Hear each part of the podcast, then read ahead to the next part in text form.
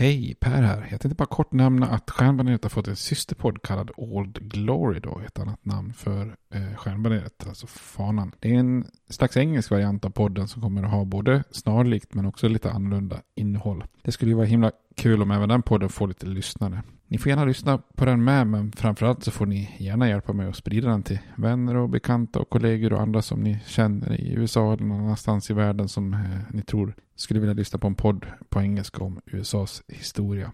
Tack, det var bara det jag ville säga. Nu kommer avsnittet. Hej då! A lot can happen in the next three years. Like a chatbot maybe your new best friend. But what won't change? Needing health insurance. United Healthcare Tri Term Medical Plans are available for these changing times. Underwritten by Golden Rule Insurance Company, they offer budget friendly, flexible coverage for people who are in between jobs or missed open enrollment. The plans last nearly three years in some states, with access to a nationwide network of doctors and hospitals. So, for whatever tomorrow brings, United Healthcare Tri Term Medical Plans may be for you. Learn more at uh1.com. When you're ready to pop the question, the last thing you want to do is second guess the ring. At Bluenile.com, you can design a one of a kind ring with the ease and convenience of shopping online. Choose your diamond and setting. When you find the one, you'll get it delivered right to your door. Go to Bluenile.com and use promo code LISTEN to get $50 off your purchase of $500 or more. That's code LISTEN at Bluenile.com for $50 off your purchase. Bluenile.com code LISTEN. Burrow's furniture is built for the way you live. From ensuring easy assembly and disassembly to honoring highly requested new colors for their award-winning seating, they always have their customers in mind. Their modular seating is made out of durable materials to last and grow with you. And with Burrow, you always get fast, free shipping.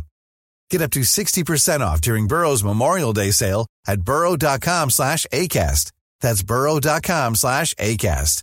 burrow.com slash ACAST.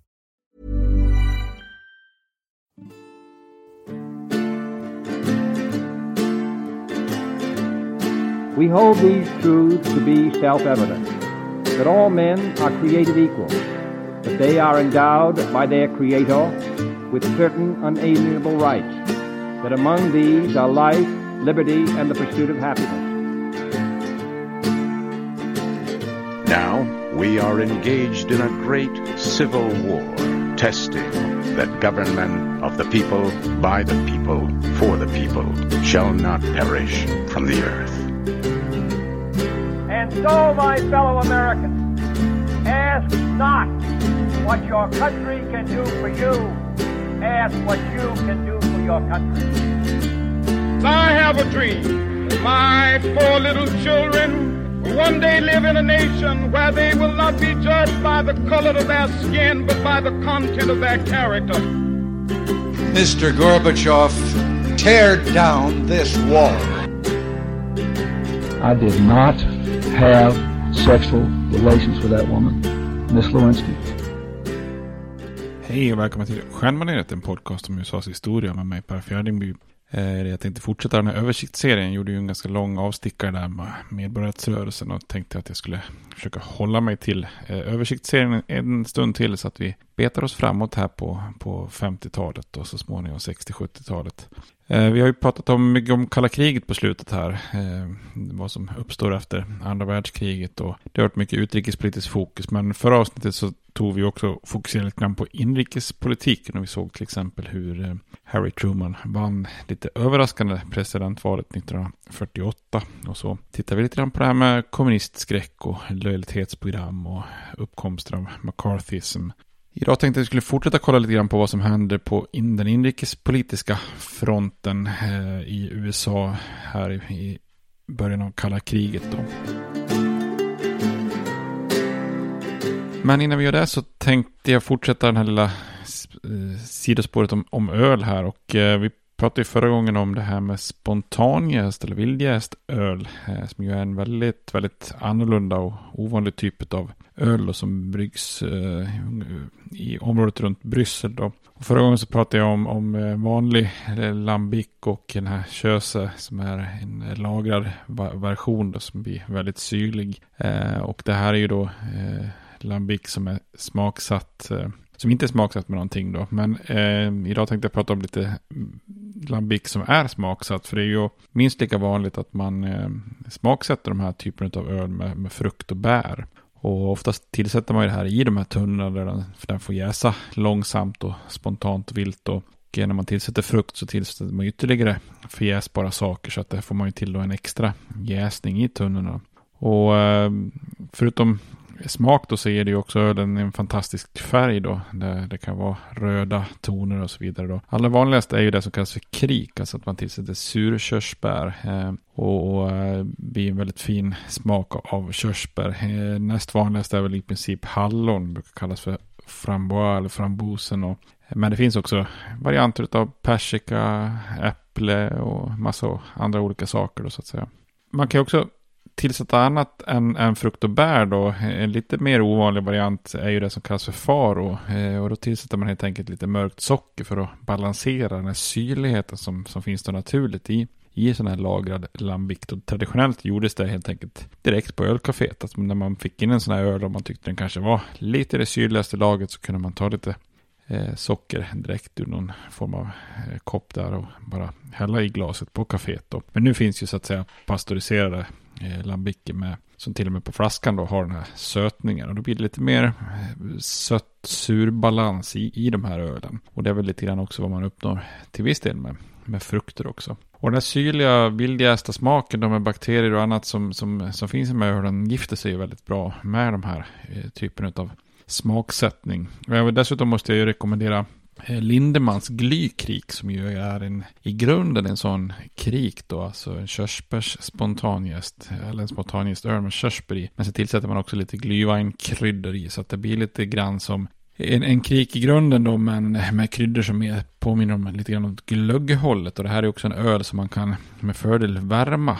Eh, och har ju funnits ganska ofta att få tag på kring, kring jul då, när man släpper julöl i Sverige. Och, eller winterwarmers. Och, eh, och det här är ju väldigt trevligt att värma eh, när det vanskas med jul och eh, vintern och, och dricka då. Som kan ersätta viss del av glöggen. I min familj så har vi nog ersatt mer än hälften av all glögg med, med glykrik. Det är någonting som går hem hos de flesta vuxna. Man ska bara tänka på det när det gäller spontanjästöl, att man ska bjuda på det Eh, Endera bjuder man på ölen kall liksom och frisk eller också eh, med frukt eller utan frukt eller också bjuder man på sån här varm, eh, varm öl. Då. Men man ska aldrig säga vad det är. För säger man att det är öl så blir folk fördomsfulla och så säger man så nej, så det här kan inte smaka, det här är inte öl liksom. Men serverar man det bara så brukar oftast många tycka att det här är väldigt gott. Sen fattar man inte att det är öl så man får upplysa dem i efterhand att jo men det är faktiskt en öl det här. Men låt dem smaka hur fantastiskt gott det smakar först innan man säger att det är en öl. För då kickar inte fördomarna in så tidigt då.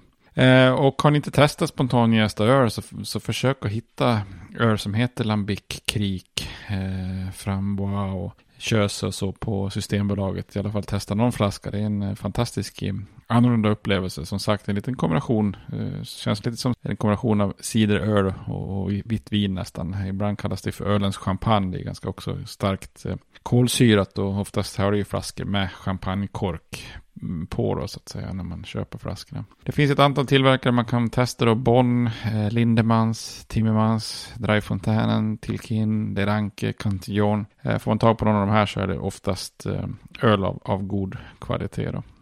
Nästa gång så tänkte jag att vi skulle fortsätta med eh, öl som innehåller viss syrlighet från sådana här eh, bildgäster och eh, prata om någonting som kallas för flamländsk brun eller flamländsk röd. Eh, eller bara ordbruin eller Oddrud. Så att eh, det ska vi testa nästa gång. Och får man ta på någon Rodenbach.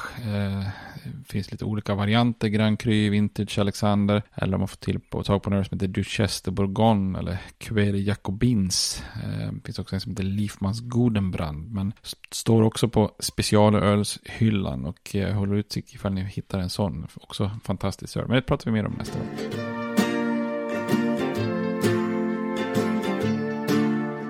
Tillbaks till historien då. Vi såg lite grann här hur Harry Truman vann eh, presidentvalet 1948 med lite minsta möjliga marginal då. Många hade ju redan dömt ut honom då. Vissa tidningar hade ju som sagt redan, redan gått i tryck med att det var eh, hans eh, motståndare, republikanen Dewey, som hade vunnit då. Eh, och, eh, men att Truman sen ändå vinner, det tolkar ju han som en eh, seger då för ett eh, förnyat mandat för en mer liberalistisk eh, politik då. Och i kongressen så hade ju eh, Demokraterna dessutom vunnit eh, rätt så starka majoriteter. Så att nu känner sig Truman lite redo att föra Roosevelts och eh, den nya givens arv vidare då kan man säga. Och i sitt State of the Union-tal i januari 1949 så presenterar Truman sitt eh, ganska ambitiösa sociala och ekonomiska program då. Och han säger bland annat att every segment of the population and every individual has a right to expect from our government a fair deal. Och det där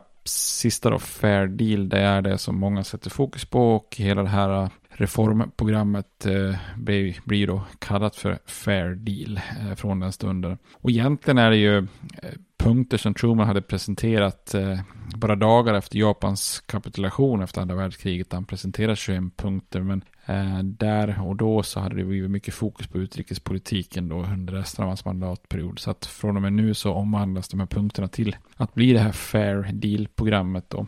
Och Trumans fair deal spinner vidare då på Roswells eh, nya giv då. New Deal heter ju där då, så Fair Deal, New Deal är ju rätt så snarlikt då. Men det här programmet inkluderar ju en rad olika förslag då. Utökad sociala försäkringar, en höjning av minimilönen, eh, ett program för full sysselsättning genom federalt spenderande och investerande. Alltså typisk keynesiansk ekonomi. tänkt. då en permanent myndighet för jämlikt arbetsliv som var någonting som efterfrågades från Eh, från medborgarrättsrörelsen då. Eh, offentliga bostadsprojekt och slumröjning. Ni kommer ihåg, ni som lyssnar på serien om medborgarrättsrörelsen, att det kom ganska mycket, eh, mycket problematik med, med slummen och eh, alla de här eh, innerstäderna som, som gick ner sig. Då. Det handlade om långsiktig planering av miljön och offentliga jobb, eh, en ökad satsning på, på forskning och så vidare. Och bara några veckor efter det här State of the Union-talet så adderar Truman eh, andra frågor som federal hjälp till utbildning, eh, en offentlig sjukförsäkring och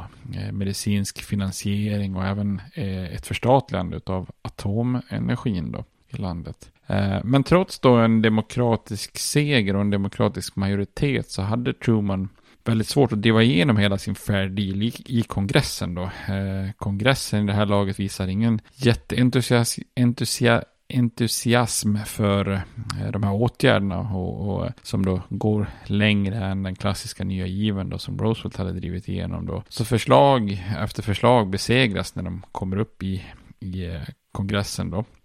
Och de få förslag som egentligen gick igenom det var ju bland annat att minimilönen höjdes från 40 cent till 75 cent i timmen. Eh, att socialförsäkringen utökades en aning. Eh, omfattade ytterligare då 10 miljoner amerikaner. Dessutom så satte man igång ett, ett ganska stort eh, projekt för att bygga bostäder för att skapa eh, nästan en miljon låginkomstboenden då. Men väldigt många av de här viktigaste delarna av reformerna i, i, i Trumans Fair Deal röstas ner då. Eh, det är till exempel förslaget om federalstöd för, stöd för utbildning, ny sjukvårdsförsäkring och bland annat också eh, ett försök att avskaffa den här Taft-Hartley-lagen som vi pratade om innan eh, i förra avsnittet som slog hårt mot arbetarrörelsen då. Och Truman lyckas heller inte få igenom eh, en ny medborgarrättslagstiftning som också hade, han hade försökt och som hade gjort lynchningar i södern till ett federalt brott då eh, och, skydda, och kunna skydda afroamerikaners rösträtt i södern här. Eh, och det här förslagen lyckas ju då eh, söderns demokrater, då, alltså hans egen, eget parti egentligen då, eh, men de här Dixiecrats med Strom Thurmond i spetsen lyckas ju hindra det här genom sin klassiska eh, variant att man alltid vänder sig till den här, sån här filibuster-taktik då. Att göra en sån filibuster betyder ju att man Eh, helt enkelt tar ordet i senaten och, och, och pratar tills dess att tiden går ut. Att man inte kommer, aldrig kommer till i princip till någon form av omröstning då. Eh, vare sig det handlar om utskott eller, eller i själva plenumsalen för, för senaten då. Så att säga, det är ju ett gammalt, eh, gammalt ord som egentligen eh, härstammar från från eh, 1700-1800-talet som från ordet filibustera som mer var piratverksamhet och det är ju lite så här pirat parasitaktigt att, att förstöra en, en session i, i, i eh, senaten också. Så att eh, det finns ju en viss likhet med, med, med orden då. Eh, så det Truman får göra till exempel inom medborgarrätts, eh, medborgarrättsrörelsens för att blidka dem det är till exempel att använda sin presidentmakt där han ju fattar ett viktigt beslut att eh, desegregera militären som ju också var ett stort steg framåt för medborgarrättsrörelsen. Men eh, tyvärr så blir det ingen ny medborgarrättslagstiftning i det här laget. Då. Och eh, lynchningarna kan ju då fortsätta i södern. Misslyckandet då för Truman och hans eh, fair deal berodde ju väldigt mycket då på, att, på den politiska realiteten. För trots att Demokraterna egentligen kontrollerade kongressen med majoritet så fanns det ju en, en viktig konservativ eh, koalition då mellan å ena sidan republikanska partiet, partiet men också då eh, förstärkt av de här demokraterna i södern som, som egentligen ända redan sedan 1938 hade blockerat ytterligare förslag från både först Roosevelt och sen nu då Truman eh, att bromsa ytterligare försök till reformer. Och det som var, ansågs extra känsligt liksom bland den här konservativa falangen av båda partierna. Det var ju helt enkelt medborgerliga rättigheter för afroamerikaner, sjukvård och eh, utbildningsväsendet som var frågor som var en big no-no, eh, framförallt i södern då. Eh, men även om Truman inte lyckas driva igenom någon sån här svepande reformpaket så försvarar han ändå arvet från nya given effektivt. För den här konservativa koalitionen hade ju på något vis också försökt att demontera delar av nya given. Så att åtminstone där lyckas ju Truman att försvara så att det inte blir ytterligare nedmonteringar av det som hade drivits igenom sedan tidigare då. Han öppnar också upp en debatt om ytterligare reformåtgärder som, som kanske sen får landa lite grann och, och liksom stötas och blötas lite grann så att eh, det här är ju någonting som Lyndon B. Johnson sen kommer att kunna spinna vidare på på 60-talet. Men det, det, kommer vi ju till eh, när, vi, när vi kommer dit. Då. Och även om Truman på många sätt levde i skuggan av sin föregångare Roosevelt så, så lyckas han ju på många sätt eh, genomföra under sina mandatperioder en, en slags omdefinition av liberalismen och, och är ett viktigt skifte då inom det demokratiska partiet. Att under Trumans ledning så stärktes liksom mycket av den här demokratiska mitten och, och också att man då får en slags smäl, ihopsmältning av utrikes och inrikespolitiken då. För tittar man på demokratiska koalitionen tidigare med nya given och så, så hade det aldrig liksom riktigt inkluderat någon form av utrikespolitisk agenda. Eh, men under Trumans ledning så började ju demokraterna stå för en lite mer aggressiv utrikespolitisk hållning då i kombination med reformer och lyckades ju ändå då i den bemärkelsen få en majoritet i, i kongressen.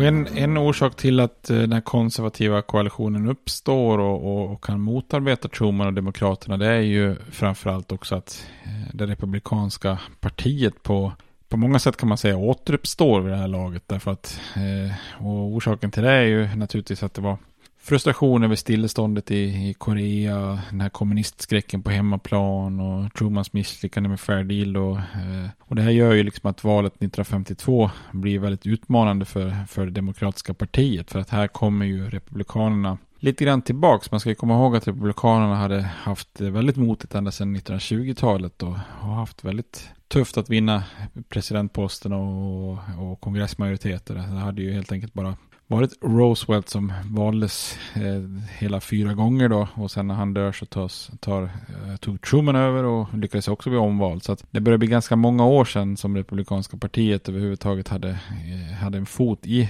Vita huset då.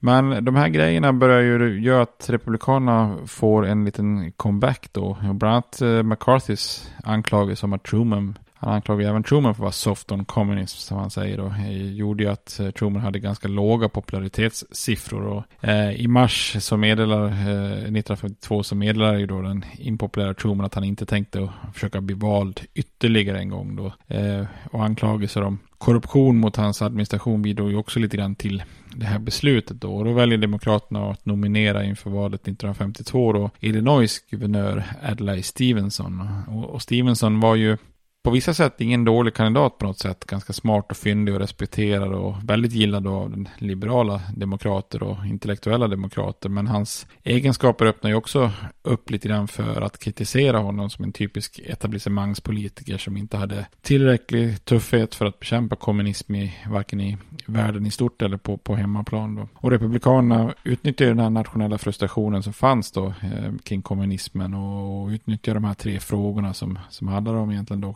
Korea, kommunism och, och korruption. Eh, och får ju lite medvind inför valet då. Och det som eh, Demokraterna och Stevensons största utmaning var ju eh, Republikanernas kandidat. För att istället för att välja den etablerade och konservativa Robert Taft så, så nominerar man ju helt enkelt den populära krigshjälten Dwight Ike Eisenhower då för att ställa upp eh, eh i presidentvalet då. Eh, och Eisenhower hade ju knappast tagit den traditionella vägen till politiken från den här tiden då. Alltså 1900-talet, han var ju uppväxt eh, ja, i den här gamla eh, västernstaden, kofösarorten Abilene i Kansas då hade ju gjort eh, militär karriär och han hade ju uppvaktats av båda partierna, jag tror jag nämnde det innan. Ehm, så på det viset så liknade ju hans politiska bana mer liksom 1800-talspresidenter då, där det var många då, om man tar som personer som Zachary Taylor eller Ulysses Grant eller sådana som, ehm, som kom från den militära banan och sen eh, uppvaktades, uppvaktades av båda partierna, sen valde parti och sen red på själva framgångsvågen över att vara just en militär hjälte, men eh, att man inte hade speciellt speciellt stor politisk erfarenhet. Då.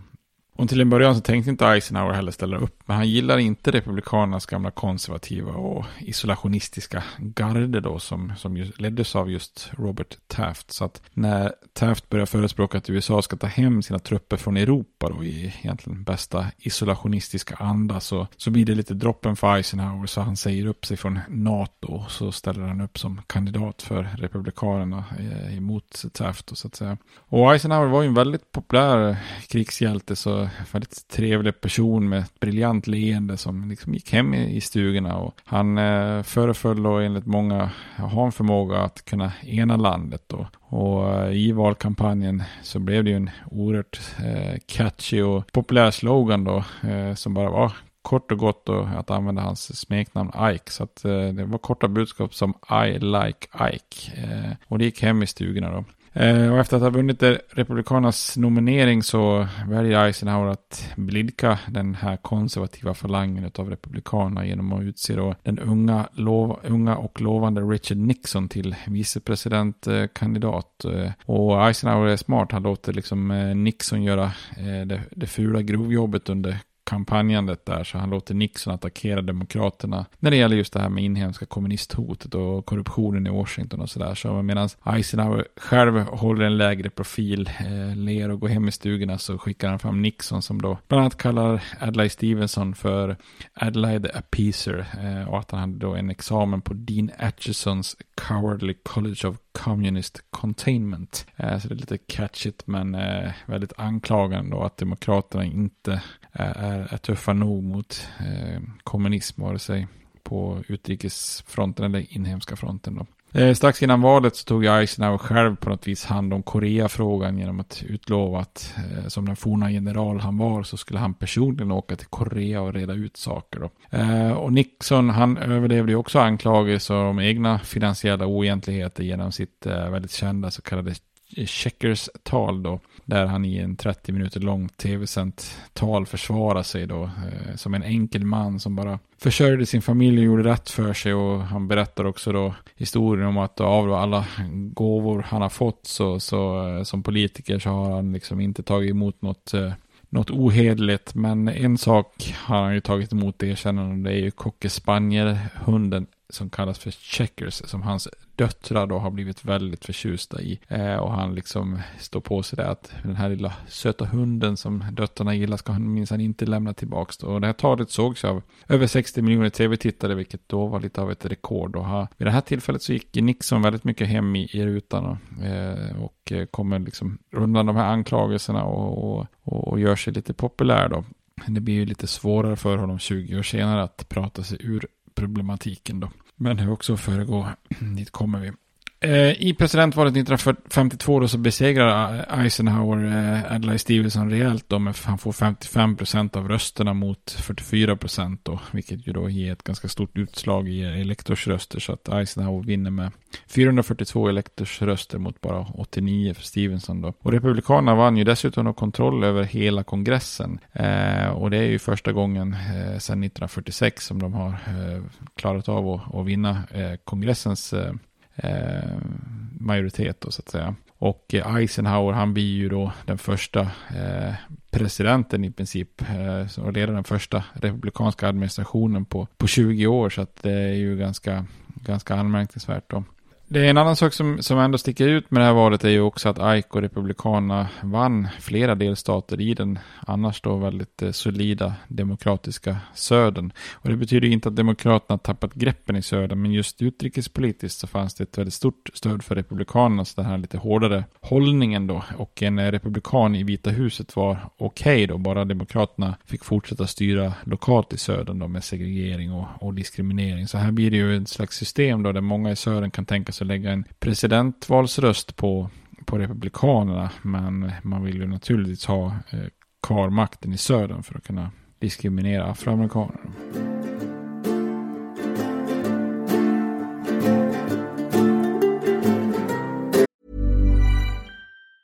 Jewelry isn't a gift you give just once. It's a way to remind your loved one of a beautiful moment every time they see it. Blue Nile can help you find the gift that says how you feel and says it beautifully with expert guidance and a wide assortment of jewelry of the highest quality at the best price. Go to BlueNile.com and experience the convenience of shopping Blue Nile, the original online jeweler since 1999. That's BlueNile.com to find the perfect jewelry gift for any occasion. BlueNile.com. Hey, it's Danny Pellegrino from Everything Iconic.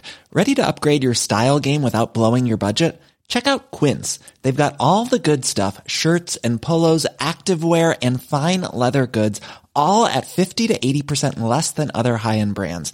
And the best part? They're all about safe, ethical, and responsible manufacturing.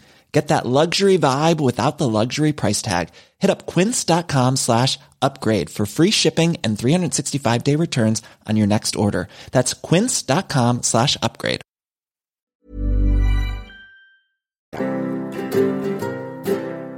Med Eisenhower vid rodret så får ju USA en relativt moderat president som, som hade det som främsta mål att försöka återställa lite lugn och ena nationen då. Och Eisenhower, han är ju den första presidenten på, som sagt, på, på över 20 år. Alltså det är ju, eh, det är Herbert Hoover som var den senaste republikanska presidenten som satt då när börskraschen kom och depressionen inleddes. Så då förstår man ju hur länge sedan det var republikanerna satt i, i Vita huset då. Och eh, på 20-talet så omgärdades ju de här republikanska presidenterna, om man tittar på dem, eh, Harding, Coolidge och, och Hoover med, med mycket affärsmän och företagsledare och, och Eisenhower han gör ju lite grann samma sak här på 1950-talet då. Men så här liksom runt 30 år efter glada 20-talet då med, med den stora depressionen och nya given och ett världskrig emellan så var det ju liksom en ny typ av rådgivare. Eh, många av de här företagsledarna hade ju köpt väldigt stora delar av keynesianismens ekonomiska filosofi då, och tanken på att en viss välfärd eh, enligt den här nya givens principer ändå var vara bra. Man inser att eh, social ordning, stabila arbetsrelationer och, och liksom konsumentkraft är en, en bra del i en god tillväxt i landet så att säga. Medan man tidigare kanske tyckte att de fattiga arbetarna, bara de gör jobbet på en billig peng så är det, så är det bra. Men nu förstår man liksom kraften i att mm, den arbetande befolkningen också behöver konsumera produkterna så att säga. Eisenhower han nominerar ju bland annat Charles Wilson då som var ordförande för General Motors till försvarsminister och under den här utfrågningen, alltså ministrar frågas ju alltid ut av senaten. Det är ju senaten som ska godkänna många av presidentens nomineringar då, både av ministrar och eh, högsta domstolens eh, ledamöter och, och, andra poster då så att säga. Eh, och under den här utfrågningen i senaten eh, innan han godkänns eh, för, för, för den här ministerposten så yttrar ju då Wilson de klassiska orden alltså what was good for our country was good for General Motors and vice versa. Så att eh, och det här just det här catchiga är ju liksom någonting som mycket präglar Eisenhowers administration. Eh, what was good for General Motors, det, det, är det som ska gälla för, för hela landet då. Eh, Eisenhower tar ju själv få initiativ till inhemska reformer. Eh, som rep republikan blir det ju lite tvärtom mot, eh, mot eh, Truman och, och Demokraterna. Men han motsatte sig ju också de konservativas krafterna försöka montera ner nya given. Han eh, bevarar helt enkelt den välfärdsstat som Roosevelt har etablerat. Så Eisenhower blir ju väldigt känd för att vara en moderat politiker. Absolut ingen hardcore republikan som vid den första chansen han får är att försöka montera ner den välfärd som har etablerats i USA. Då. Eh, Ike själv kallar ju sin politiska filosofi för en dynamisk konservativ konservatism. Lite grann som nästan känns igen med, eh, vad heter han, eh, George W. Bush. Han hade ju eh, compassionate conservatism bland annat som begrepp. Då. Och eh, menar ju att han var konservativ när det gäller pengar och, och, liberal när det gäller människor. Alltså han var noga med att se till att den federala budgeten var balanserad och så vidare. Men samtidigt så hölls sociala program då som gynnar individer. Så att han försöker lite få lite grann både och här. Eh, och för den verkställande makten så blir ju hans eh, presidentskap lite av ett steg tillbaka då. Eisenhower menar ju att Roosevelt och Truman hade skapat en alldeles för stark presidentpost och genom eh, då offentliga satsningar och stärkt departement och myndigheter lite för mycket. Så själv vill han ju leda lite mer tillbakalutat och inte lägga några begränsningar på näringslivet då. Till skillnad från sina föregångare så var jag heller inte lika aktiv i, i, kontakterna med kongressen. Delvis eftersom han hade en stark tro på det här med maktdelningsprincipen. Men säkert också en hel del eftersom han var ganska oerfaren och aldrig hade suttit i kongressen tidigare. Eh, och efter att Republikanerna förlorade mellanårsvalet redan 1954, då två år in i hans administration, då, så, så fick han ju snarare försöka att, att samarbeta med demokratiska kongressledamöter. Och, eh, bland annat så eh, försöker Eisenhower samarbeta en hel del med Lyndon Lyndon B. Johnson i, i, i senaten då som är majoritetsledare där då. Så Eisenhower han följer en slags eh, mellanmjölkslinje kan man säga. Då. Vissa sociala program utökades så att eh, fler amerikaner kunde ta del av dem. Eh, minimilönen höjdes en gång till då, från 75 cent till, till en dollar. Och eh, en, en sak som Eisenhower ändå gör det är, det är ju en ganska stor satsning då, den så kallade Federal Highway Act 1956 som ju innebär en slags massivt vägbyggande som är värt 25 miljarder dollar som eh, där man under 10 år byggde nästan 650 tusen kilometer vägar då eh, och det blir ju faktiskt det största offentliga projektet i USA eh, dittills då. Delvis finansierat via nya skatter på fordon och drivmedel och däck och så vidare och den här Eh, och Eisenhower som forna general motiverar ju vägarna som nödvändigt för ett nationellt försvar och, för att näringslivet ska fungera nationellt här. Så att det här är ju ingen, eh, ska man säga, restriktiv konservativ republikan som, som driver igenom ett sånt stort eh, projekt då, så att säga. Eisenhowers tillträde hade ju höjt förhoppningarna hos konservativa och skapat en viss oro bland liberalerna. Men Eisenhower eh, lät ju alltså den här nya given eh, överleva då. Och, och, liberala republikaner som var vanligt för den här tiden men som ju är ganska ovanligt nu eh, brukar ju också kallas just för Eisenhower-republikaner då. Och många amerikaner var ju nöjda med den här moderata vägen framåt. För, för som vi ser i, i något kommande avsnitt eh, här så hade ju konsumentsamhället med en överflöd av varor verkligen etablerats. Eh, och det föds mycket barn, folk flyttar ut till förorterna. Så att man är rätt nöjd med den här typen av, av liksom politik som mycket gillar, eller som gynnar en ökande medelklass. Eh, vi ska prata lite mer om det i något av de kommande avsnitten. Då.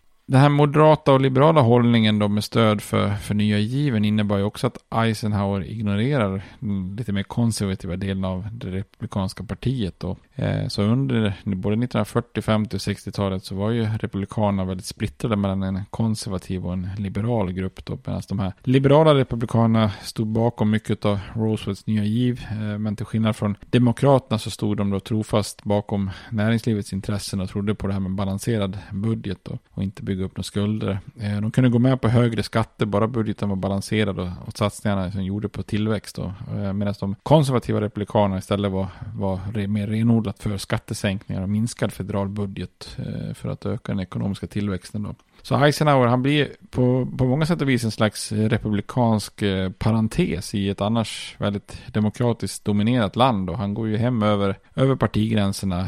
Inrikesmässigt så accepterar han större, taktiskt och lite större delen av nya given men spinner ju också vidare på Trumans utrikespolitik då.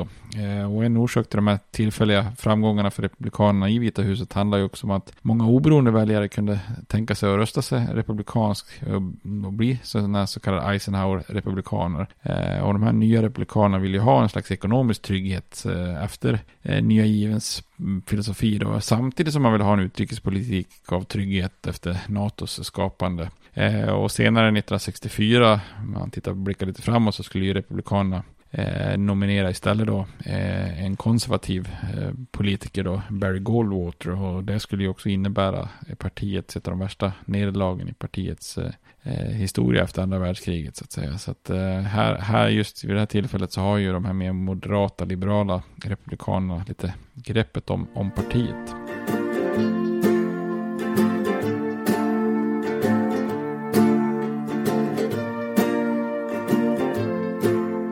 Eisenhower gjorde ju alltså den här konservativa delen av, av republikanerna lite besvikna då i sitt bevarande av nya given och välfärden. Och till en början så såg han ju eh, emellertid ut att stå bakom dem när det gäller den här lojalitetsfrågan och slå ner på radikaler och kommunistskräcken och så vidare. Eh, så fort han blev president så stärkte han den här statens lojalitetsprogram och hans eh, administration stod ju bakom någonting eh, som kallas för Communist Control Act från 1954, en, en lag som förbjöd kommunister att ställa upp i val för offentliga poster då. Men Eisenhower hade ju aldrig någonsin gillat eh, Joseph McCarthy då eh, och när hans rådgivare bad Ike att använda sin prestige för att stoppa McCarthy svarade presidenten I will not get into a pissing contest with a skunk. Eh, och han lät på något vis McCarthy hållas offentligt men, men eh, försökte underminera hans eh, häxjakt på kommunister där bakom kulisserna och, och låta på något vis tiden leda till McCarthys fall. Och till slut så gick ju också McCarthy för långt. Eh, 1954 började han ge sig på armén och anklagar ju flera högt uppsatta militärer för att vara kommunister. Och en, en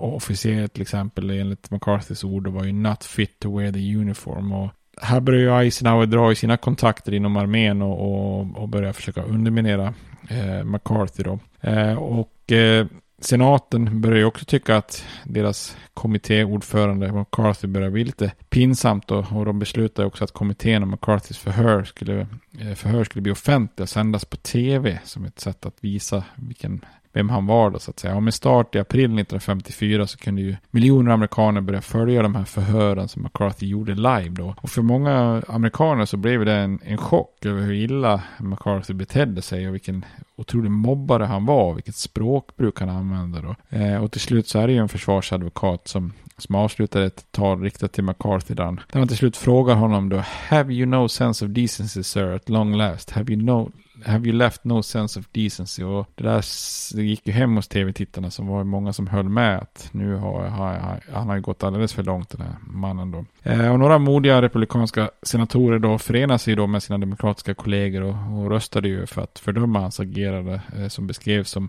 conduct unbecoming a senator. Eh, och li, lika hastigt nästan som, som McCarthy dök upp och blev känd och fruktad, lika snabbt föll han i princip. Bara, bara tre år senare dessutom när han, när han eh, faller och, och, så att säga blir av med sitt inflytande så bara tre år senare så, så går han också bort. Så att han blir verkligen en liten parentes på det viset i historien då. Men eh, det han satt igång blir ju ingen parentes. För trots att trots allt så var ju McCarthyismens arv ganska djupt på något vis. Eh, det var inte bara att han hade legitimerat lögner och halvsanningar i, i senaten och urholkat förtroendet där. Han hade ju också skapat ett politiskt klimat som varade i princip hela 50-talet och en bit in på 60-talet där politiskt ol, oliktänkande och, och vänsterideologier var väldigt, väldigt föraktade. Så att den här så kallade Red Scaren, eh, andra Red Scaren bestod ju, eh, består ju liksom, även om intensiteten minskar när McCarthy själv själv försvinner då så att säga. Och resultatet var ju att man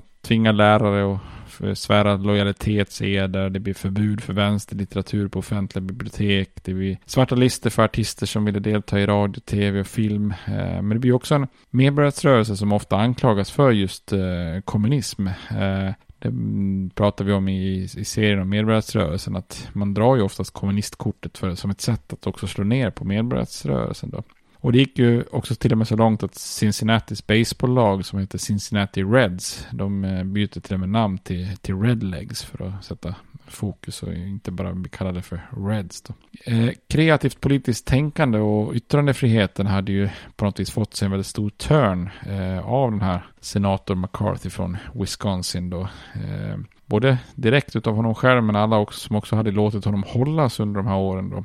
Eisenhower själv beskrev ju sin hantering av McCarthy i efterhand som att han hade gett honom, som man säger, tillräckligt med rep så att han till slut hängde sig själv då. Men samtidigt kan man ju fundera, hade han agerat lite tidigare hade kanske också nationen kunnat besparats delar av det här, det här negativa arvet då. Men McCarthys fall tog ju bort en källa till pinsamhet och nästan garanterade en valseger för, för Eisenhower i, i nästa presidentval 1956. Då. Eh, även om Eisenhower hade haft en hjärtattack året innan så bestämmer han sig för att ställa upp igen då. Han är fortfarande väldigt, väldigt populär och, och det berodde kanske mest på hans personlighet snarare än hans politik. Han såg som en väldigt stark ledare, som en bra karl som liksom representerade bra amerikanska värderingar. Eh, och det var inte sällan han också pratade om just sådana värden som ära, plikt, hård jobb och patriotism och så vidare. Eh, demokraterna de nominerar ju Adlai Stevenson en gång till här, försöker honom en gång till. Så att det blir ju Stevenson och och McCarthy, eller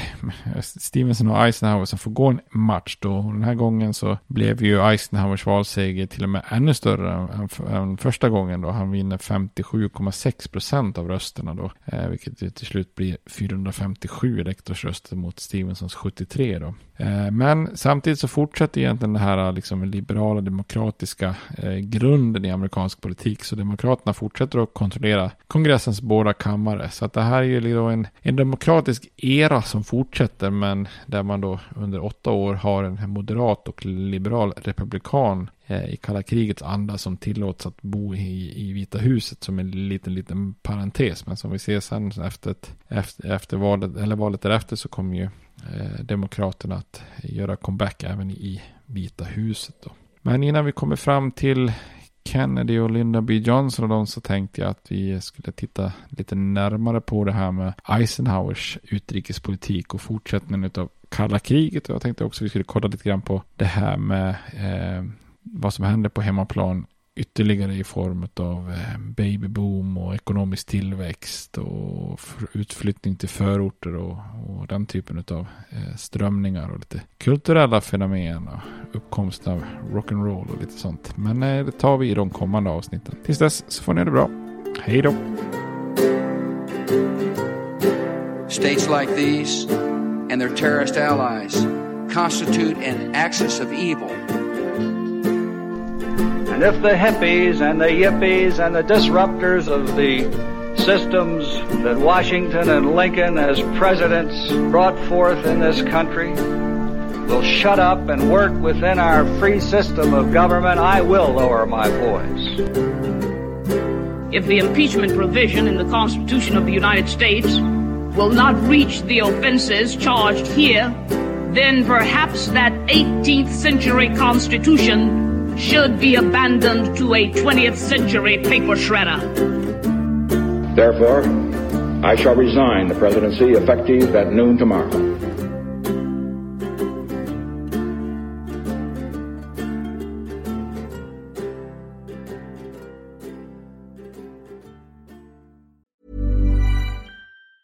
Planning for your next trip? Elevate your travel style with Quince. Quince has all the jet setting essentials you'll want for your next getaway, like European linen, premium luggage options, buttery soft Italian leather bags, and so much more. And it's all priced at 50 to 80% less than similar brands. Plus, Quince only works with factories that use safe and ethical manufacturing practices. Pack your bags with high-quality essentials you'll be wearing for vacations to come with Quince. Go to quince.com slash trip for free shipping and 365-day returns. Planning for your next trip? Elevate your travel style with Quince. Quince has all the jet-setting essentials you'll want for your next getaway, like European linen, premium luggage options, buttery soft Italian leather bags, and so much more. And is all priced at 50 to 80% less than similar brands. Plus, Quince only works with factories that use safe and ethical manufacturing practices. Pack your bags with high-quality essentials you'll be wearing for vacations to come with Quince. Go to quince.com/pack for free shipping and 365-day returns.